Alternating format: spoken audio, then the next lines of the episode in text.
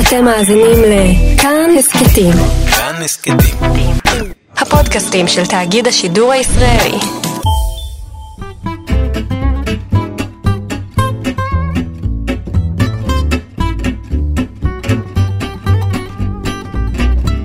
היי, אני מיכל רשף, ברוכות וברוכים הבאים לאמריקן.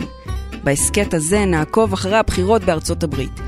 נסביר את כל מה שלא ברור, נספר את הסיפור מאחורי השיטה, שבואו נודה על האמת, נראית מסובכת מבחוץ, ונבין לעומק מה מניע את הבוחר האמריקני כשהוא בוחר את מנהיג העולם החופשי.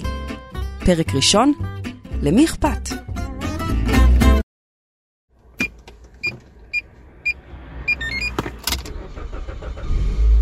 ביום חמישי באמצע חודש פברואר מצאתי את עצמי בערב, במקום על הספה בבית, באוגנדה בר בתל אביב. זה לא שגיליתי מחדש את חיי הלילה באמצע שנות ה-30 לחיי, הלכתי למסיבת ניצחון שהתקיימה שם למועמד הדמוקרטי ברני סנדרס. בתל אביב, כן?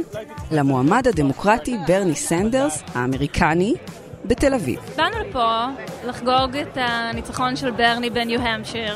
רציתי להבין מה יש לחבורת התל אביבים הזאת ולסנאטור בן 78 מוורמונט, שמנסה עוד מ-2016 להגיע לבית הלבן? קודם כל הוא מרגש ממש. זו הפעם הראשונה שיש מועמד לנשיאות ארה"ב שמציג עמדות שמאליות מובהקות. זה האירוע הפוליטי האחד הכי חשוב כרגע בעולם. הוא קצת נראה כמו הסבא היהודי שהיה לי. At this point he is the first Jewish person to get this far in the presidential race. אני כאילו עוקב באובססיביות אחרי מה שקורה באמריקה, ואין מה לעשות, אמריקה היא האימפריה והיא קובעת סדר יום. I'm really curious to see what Israelis are saying about Bernie. שתצליח לרגש, את רואה כל סרטון שלו, אני, אני מתרגשת. זה סיכוי ההישרדות הכי גבוה שלנו בתור המין האנושי.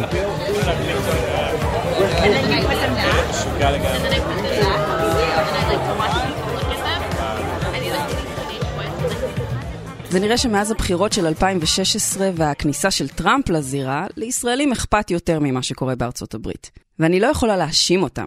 זאת ההצגה הכי טובה בעולם. אבל אם נשים את השואו בצד, למה לישראלים באמת צריך להיות אכפת מהבחירות בארצות הברית? למי זה משנה? אני חושב שארצות הברית היא עדיין ההגמון הגלובלי. Uh, הכוח התרבותי והחברתי של ארצות הברית הוא עדיין אדיר. זה דוקטור אלי קוק, ראש התוכנית ללימודי ארצות הברית באוניברסיטת חיפה. ואני חושב שהאמת היא שבשביל ישראלים שרוצים לדון בשאלות כמו למשל קפיטליזם נגד סוציאל דמוקרטיה או סוגיות כאלה, אז למשל הבחירות בישראל לא ממש מספקות את הסחורה. זה לא ממש בחירות אידיאולוגיות בשנים האחרונות, זה רק לא ביבי רק כן ביבי.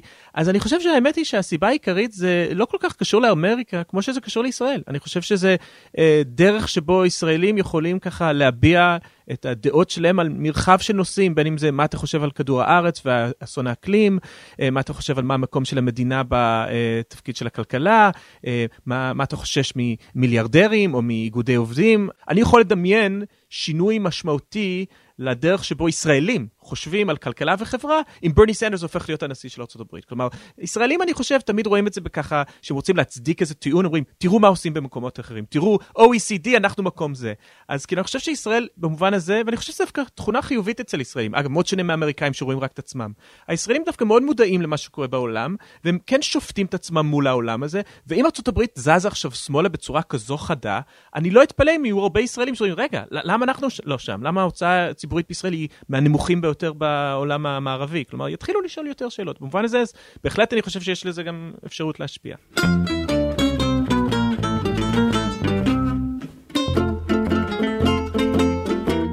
טוב, אז אחרי שהתחלנו להבין למה צריך להיות לנו אכפת, בואו נתחיל מיישור קו. או כמו שאנחנו אוהבות לקרוא לזה כאן, פריימריז למתחילים. ולמתחילות כמובן. נתחיל עם השאלה הממש לא פשוטה, איך לעזאזל עובדת השיטה הזאת? We begin with Bernie's big win. Senator Bernie Sanders taking the Nevada Democratic caucus by a landslide. The candidate thanking supporters during a rally in Texas, now claiming victory in three states. Here it is, 92% in state delegate equivalents. Buttigieg continues to lead. The margin is 1%. A pivotal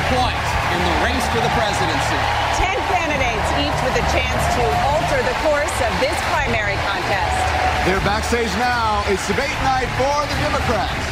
בחוקה האמריקאית לא היו מפלגות, לא חשבו בכלל על השיטה האמריקאית שיהיו מפלגות, ולכן, בניגוד לכל שאר הדרך שבו הפוליטיקה האמריקאית מתנהלת, הדבר הזה הוא לא, לא מאוד מסודר, והוא משתנה, שזה מאוד חריג בארצות הברית. בדרך כלל, מאז 1789 אנחנו יודעים איך דברים עובדים וככה עושים אותם. אז למשל, השיטה של הפריימריז היא יחסית מאוד חדשה. היה ב-68, ועידה מאוד שנויה במחלוקת. דוקטור קוק מדבר על הוועידה הדמוקרטית שנערכה ב-1968 בשיקגו. בתקופה ההיא בחרו מועמדים באמצעות ועדה מסדרת, ולא הסתמכו על הבחירות המקדימות. הממסד אז תמך בסגן הנשיא יוברט המפרי, אבל המתנגדים לשיטה ולהכתבה מלמעלה, ביקשו להריץ את המועמד יוג'ין מקארתי, בניסיון להפוך את השיטה לדמוקרטית יותר. בכל זאת, מפלגה דמוקרטית. זאת הייתה תקופה מתוחה גם ככה, וכשדוקטור קוק אומר ועידה שנויה במחלוקת, הוא עוד זהיר. הם הלכו מכות.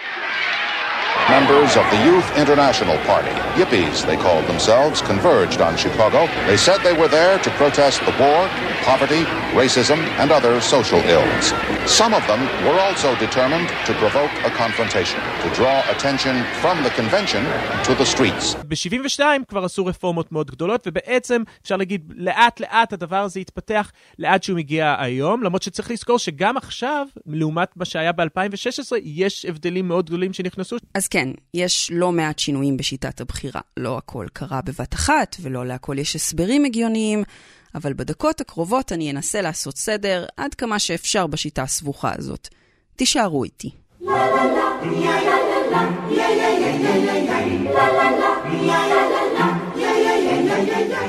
בארצות הברית יש 50 מדינות. בכל מדינה יש מתפקדים למפלגה הרפובליקנית ולמפלגה הדמוקרטית.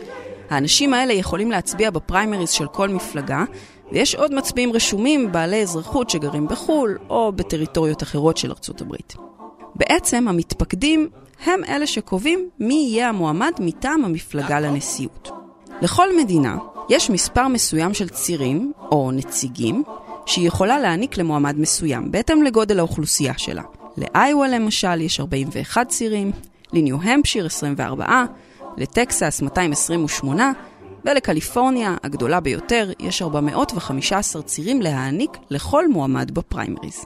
שיטת הבחירות עצמה משתנה ממדינה למדינה.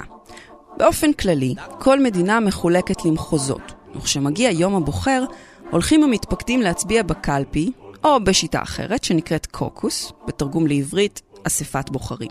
לא הקוקוס שאתם חושבים עליו. coconut nut is a giant nut. If you eat too much, you get very fat now. דמיינו קבוצה של אנשים מתכנסים באולם ספורט של בית ספר ועומדים בקבוצות לפי המועמד שבו הם תומכים. זאת כמובן שיטה יותר מורכבת מפשוט לשים פתק בקלפי, אבל באיואה ובנבדה זה כבר הפך למסורת. לאחר שנספרים הקולות, מתחלקים הנציגים, או הצירים, באופן יחסי לפי אחוז ההצבעה לאותו מועמד. בניו-המפשיר למשל, קיבלו פיט בוטיג'ג' וברני סנדרס תשעה צירים כל אחד, בגלל שהם היו מאוד קרובים באחוז הקולות שהם קיבלו. מספר הקסם שאליו צריך המועמד להגיע הוא 1,991, שזה יותר מ-50% מתוך 4,000 הצירים הקיימים. אם הוא מגיע למספר הזה, הוא או היא הם המועמדים הרשמיים של המפלגה בוועידה.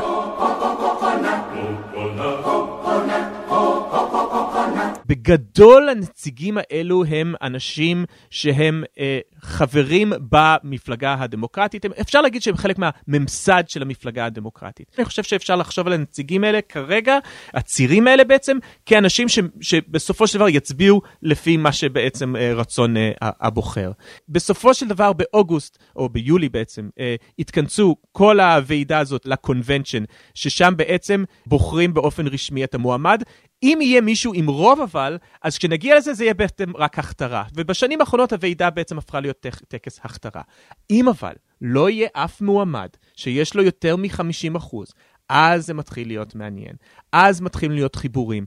אולי ברני יצטרך את הקולות של וורן, אולי כל הממסדיים כמו בוטיג'ג' וביידן ובלומברג וכל אלה יתחברו, זה נהיה הרבה יותר מורכב. זה מה שנקרא באנגלית contested convention. לוח הזמנים לתהליך הארוך, המייגע והבהחלט לא צפוי הזה, מתחיל בפברואר. אז מתחילות המדינות להצביע בזו אחר זו.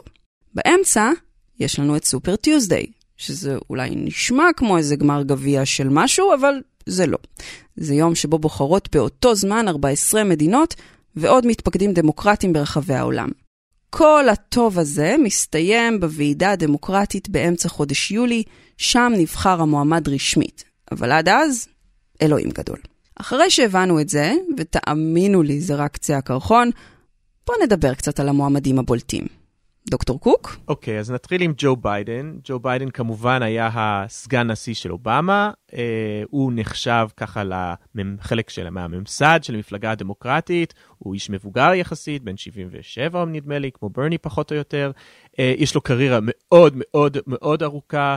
אה, יש לו גם סיפור אה, קצת טרגי, הוא בדיוק כשהוא הפך להיות סנאטור פעם ראשונה בשנות ה-70, כל המשפחה שלו כמה ימים לפני זה, uh, כמעט כל המשפחה uh, מתו בתאונת uh, uh, מכונית קשה, כלומר יש לו איזשהו סיפור טוב. ביידן תמיד נחשב אנקל ג'ו. כן, במובן שהוא יודע להתחבר לעם. חבל שלפעמים הוא גם יוצא הדוד המביך. No, you haven't. You're a lying dog-faced pony soldier. You said you were, but you're... Now you gotta be honest, I'm gonna be honest with you. הוא תמיד הצליח ככה לגרום לאנשים לחשוב שלמרות שהוא חלק מהממסד, הוא כזה חברמן, הוא לא אליטיסט, הוא לא פלצן, ולכן לכאורה היו אנשים שחשבו שהוא יוכל לקחת את התמיכה של שחורים, מעמד הפועלים, לא רק כזה אליטה לבנה. ברני סנדרס? Real change never takes place from the top on down, never takes place from an oligarchy controlled by billionaires. We need to mobilize millions of people to stand up for justice. That's our campaign. Join us at berniesanders.com. ברני סנדרס היה אה, ראש העיר של ורמונט, ברני סנדרס אחרי זה היה איש קונגרס של ורמונט, ואחרי זה אה, סנאטור. מה הכי חשוב לדעת אולי על ברני סנדרס, זה שבכל השנים האלה הוא היה אינדפנדנט, הוא לא רואה את עצמו כחלק מהמפלגה הדמוקרטית, זה גם הופך להיות אה, מצב של הרבה חיכוכים איתם. Uh, הוא סוציאליסט מוטהר, או יותר נכון דמוקרטיק סוציאליסט, סוציאל דמוקרט, uh, וברני פחות או יותר, מה שכולם אומרים עליו שהוא אומר אותו דבר כבר 40-50 שנה, אבל הוא שם כבר 40-50 שנה.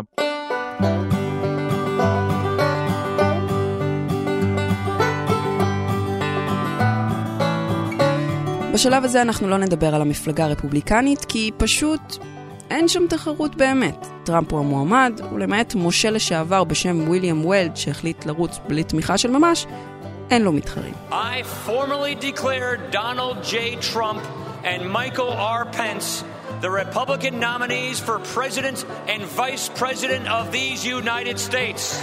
Donald Trump is now officially the Republican presidential nominee. Today has been a very, very special day. אם יש משהו שלמדנו מ-2016, זה שלא כדאי לצאת בהימורים. בטח לא בשלב הזה. אחרי סופר טיוזדיי, ביידן וסנדרס מובילים את המרוץ ראש בראש, וכנראה שאחד מהם יהיה המועמד. אבל אם כבר הבנו למה זה צריך לעניין אותנו, אולי כדאי שנדע גם על איזה סוס כדאי להמר. אז מי טוב לנו שינצח? אוקיי, okay, uh, שאלה מורכבת, כי אני חושב שזו שאלה מאוד פוליטית. Uh, אם אתה חושב שהעתיד של ישראל צריכה להיות המשך סיפוח של התנחלויות והמשך שליטה על אוכלוסיות פלסטיניות, ואם אתה מאוד תומך בככה כלכלה יחסית יותר ימנית, אז אין ספק שאתה, מה שטוב לך זה טראמפ. עכשיו, מבחינת הפריימריז, מי שטוב לך במובן הזה, שוב, אם אתה מישהו שמסתכל על זה מושגים האלה, אין ספק שאתה תלך יותר על מישהו כמו ביידן, אבל האמת היא שאני חייב להגיד, בכל מה שקשור לישראל, ארה"ב נמצאת היום בתקופה שהסוגיות העיקריות שמעניינות אותה הן סוגיות פנים, הן סוגיות של חברה וכלכלה. אני לא חושב שלאף אחד יש כרגע בטן למלחמה במזרח התיכון, לא טראמפ, לא סנדרס, לא ביידן. במובן הזה, אני, אגב, גם העובדה שארה"ב כבר לא תלויה בנפט של מזרח התיכון, משנה גם מבחינה גיאופוליטית את המקום של המזרח התיכון בחברה האמריקאית. אז בגדול, במובן הזה, כשישראלים חושבים מי יהיה טוב לישראל, אני באמת לא יודע כמה יהיה באמת איזשהו הבדל משמעותי. אפילו מישהו כמו סנדרס, שהוא נחשב הכי אה, אה, ביקורתי כלפי הימין הישראלי, קשה לי להאמין שאת ההון הפוליטי שלו בשנה, שנתיים, או אפילו בקדנציה הראשונה שלו, ירצה להתבזבז על נושא כל כך בעייתי ובוער כמו הסכסוך הישראלי-הפלסטיני. לסיכום, הדרך לבית הלבן עוד ארוכה ויהיו עוד הרבה דרמות בדרך. אבל אחרי שהבנו את השיטה ומי נגד מי, יהיה הרבה יותר קל לעשות סדר בסלט הזה שנקרא הפוליטיקה האמריקנית. נראה לי שעכשיו אפשר לצאת לדרך.